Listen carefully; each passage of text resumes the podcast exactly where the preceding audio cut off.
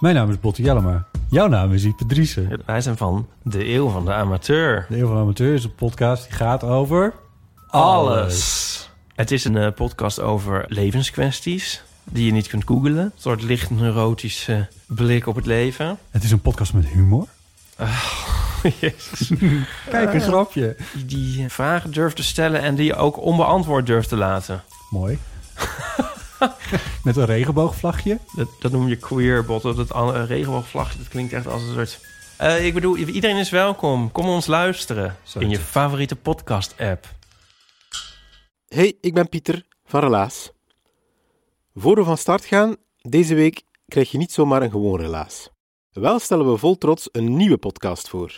Een samenwerking tussen Relaas, Natuurpunt en FMDO. Natuurpunt kan je kennen als de geweldige vereniging die instaat voor het behoud van onze natuur. En FMDO versterkt mensen die een duwtje in de rug kunnen gebruiken in onze superdiverse samenleving. Samen met ons Relaas-team levert dat de podcast Verhaal de Natuur op met natuurverhalen zoals wij ze niet vaak horen. Sommige zijn waar gebeurd, anderen verzonnen, maar altijd hebben ze een link met de natuur en worden ze verteld door mensen met een superdiverse achtergrond. Onze nieuwe podcast Verhaal de Natuur kan je ook terugvinden in je eigen favoriete podcast-app. Maar de komende weken delen we ook enkele verhalen hier in onze Relaasfeed. Wij delen de waargebeurde verhalen uiteraard, natuurverhalen verteld door de mensen die ze zelf hebben meegemaakt. Veel luisterplezier met Verhaal de Natuur.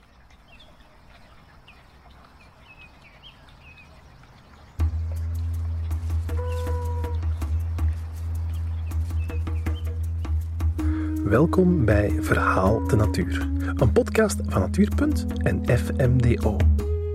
Samen gaan we op zoek naar natuurverhalen die nu nog niet vaak aan bod komen. Vlamingen met roots in verschillende landen nemen ons mee in hun persoonlijke en waargebeurde verhalen die ergens een link hebben met de natuur. Soms grappig, soms intiem.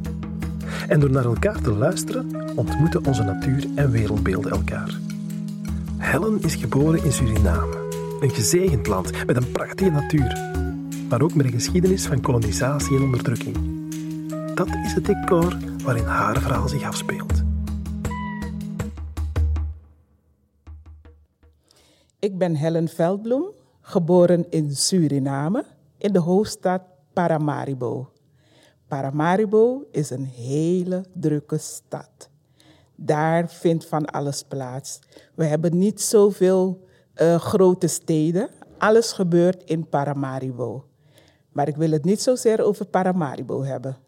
Ik wil het over een andere plek hebben. Suriname grenst aan drie landen. Frans-Guyana, Brits-Guyana en Brazilië. Maar daarnaast in het noorden grenst Suriname aan de Atlantische Oceaan. Suriname betekent letterlijk veel stromend land. En dat heeft de reden. Want naast de oceaan, een van de wereldzeeën, heb je ook nog zeven rivieren die dwars door Suriname hun weg vinden. En daardoor heb je heel veel wind, maar geen orkanen. Suriname is een gezegend land. We kennen geen ehm harde rukwinden. Af en toe, als je iets hoort, denk je van oei, het is heel erg, maar als je om je heen kijkt in de wereld, dan valt het reuze mee. Een heel mooi tropisch klimaat. Een van de rivieren, een van de zeven rivieren, dat is de Kotika-rivier. Die mondt ook uit in de Atlantische Oceaan. Kotika-rivier is de smalste rivier van de zeven rivieren, maar wel de diepste rivier. En die diepe rivier, daar werd er flink gebruik van gemaakt in het verleden. Vroeger was Suriname kolonie van Nederland. Dat wil zeggen dat eh, Suriname, eh, de mensen in Suriname waren dus slaven. Ze werden als slaven naar Suriname gevoerd vanuit Afrika. Maar om vanuit Afrika naar Suriname te komen was een wereldreis voor de mensen.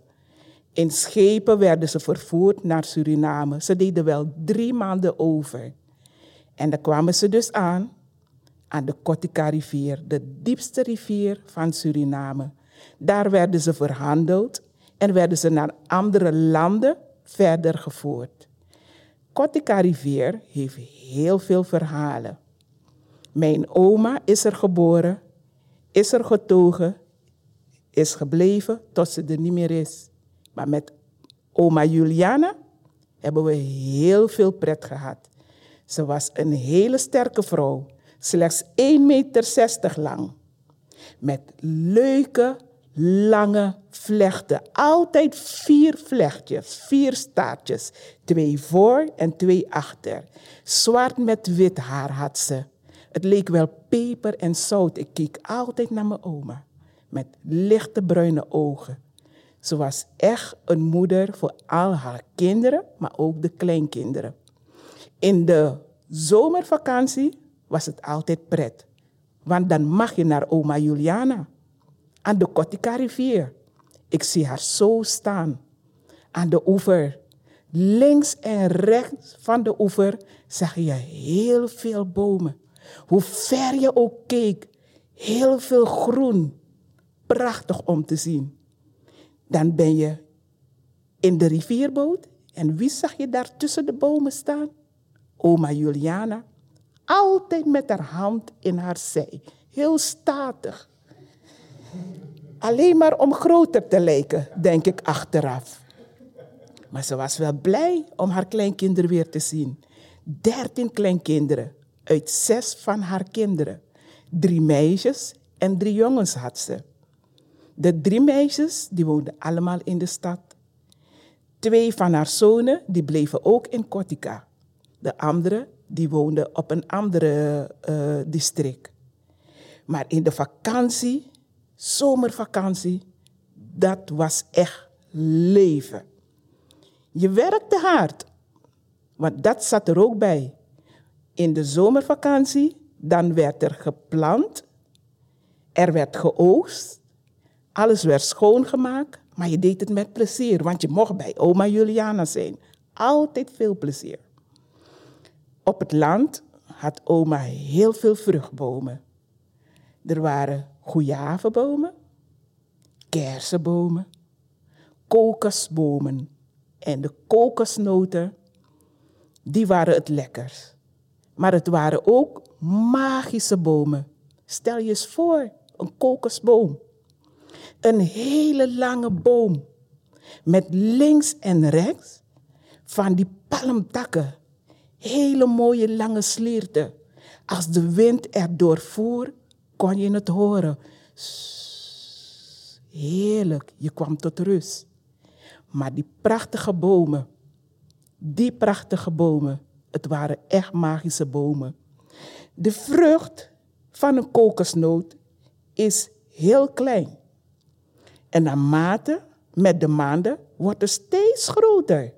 Het kan slechts 500 gram kan die wegen. Eén kokosnoot. Wonderbaarlijk. Als hij zo klein is, zit er niks in. Met de weken, als hij groter wordt, komt er water in de kokosnoot. Hoe kan dat eigenlijk? Heb ik me altijd afgevraagd. Hoe is het mogelijk? Die magische kokosnoten. Stel je eens voor, je maakt hem open en je hebt super, super lekker kokoswater. En van de vrucht van de kokos werd er zoveel gemaakt. Er werden kokoskoekjes gemaakt, maar er werd ook kokosolie van gemaakt. Hoe kan dat nou allemaal? Is een magische vraag.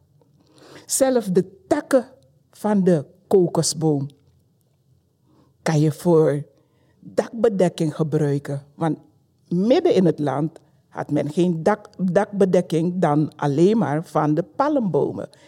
Heel veel takken werden door elkaar gevlochten, door elkaar geweven. En het werd gewoon een dakbedekking. Magisch, die kokosboom. Maar die magische kokosboom werd op een dag een hele traumatische een boom voor ons. Mijn jongere broer, de laatste en kleinste van de groep, de Benjamin dus, die wilde achter de ouderen aan, want die konden wel de boom in.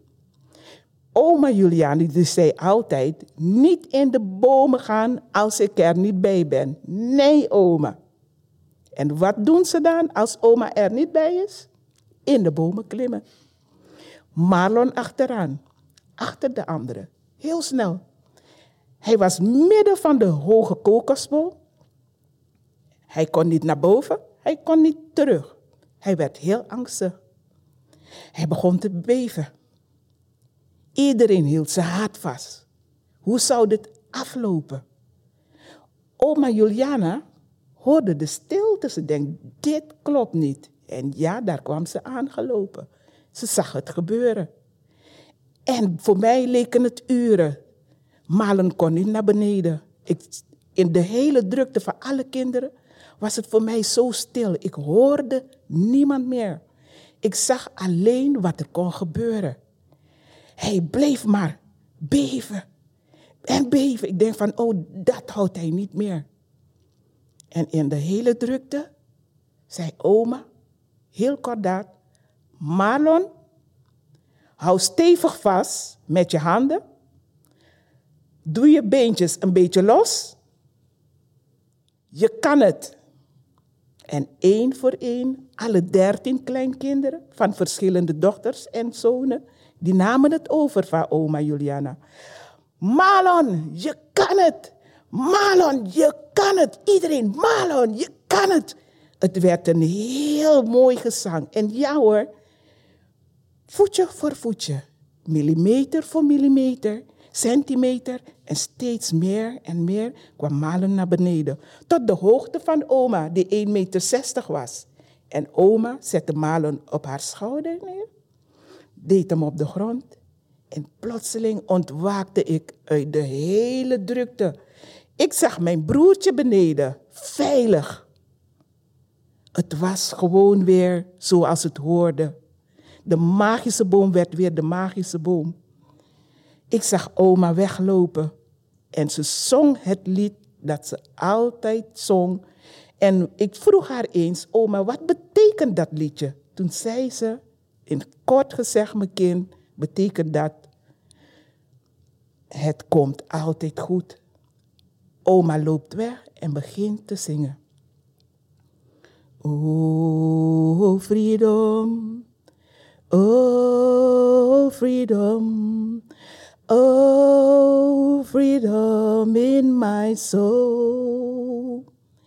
And before I be a slave, I be buried in my grave and go home to my Lord to be free. And before I be a slave, I be buried in my grave and go home to my Lord to be free. Toen drong het pas tot mij door. Oma moest nu aan denken wat er had kunnen gebeuren onder haar toezicht. Het is goed gekomen. Het was weer feest. Einde van de vakantie. Ieder kind, alle dertien, konden weer veilig naar huis. Oma stond weer langs de oever. Niet, nu niet meer met haar blij gezicht. Want ze weet, het duurt weer tot volgend jaar. Tot we met z'n allen weer bij haar konden zijn. Eén voor één werd er geteld. Eén tot en met dertien. Alle kinderen waren er. Iedereen met zijn rugzak. Iedereen ging terug naar de rivierboot. En ja hoor, zat oma weer te neurien.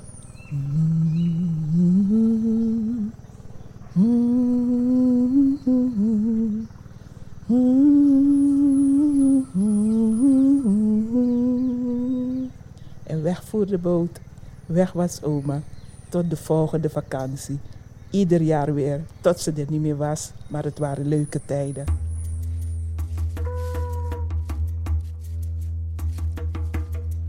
De podcast Verhaal de Natuur is een samenwerking tussen FMDO, een vereniging die werkt aan positief samenleven in diversiteit, en Natuurpunt. Ze kwam tot stand onder deskundige begeleiding van Relaas. Deze podcast is deel van nog meer uitwisseling en dialoog tussen natuurgidsen, rappers, slampoëten en de superdiverse leden van FMDO. Beter van dit project is Antwerp stadsdichter, Sekou. Meer resultaten kun je bekijken en beluisteren op natuur.be slash verhaal de natuur. Een project met steun van de Vlaamse overheid.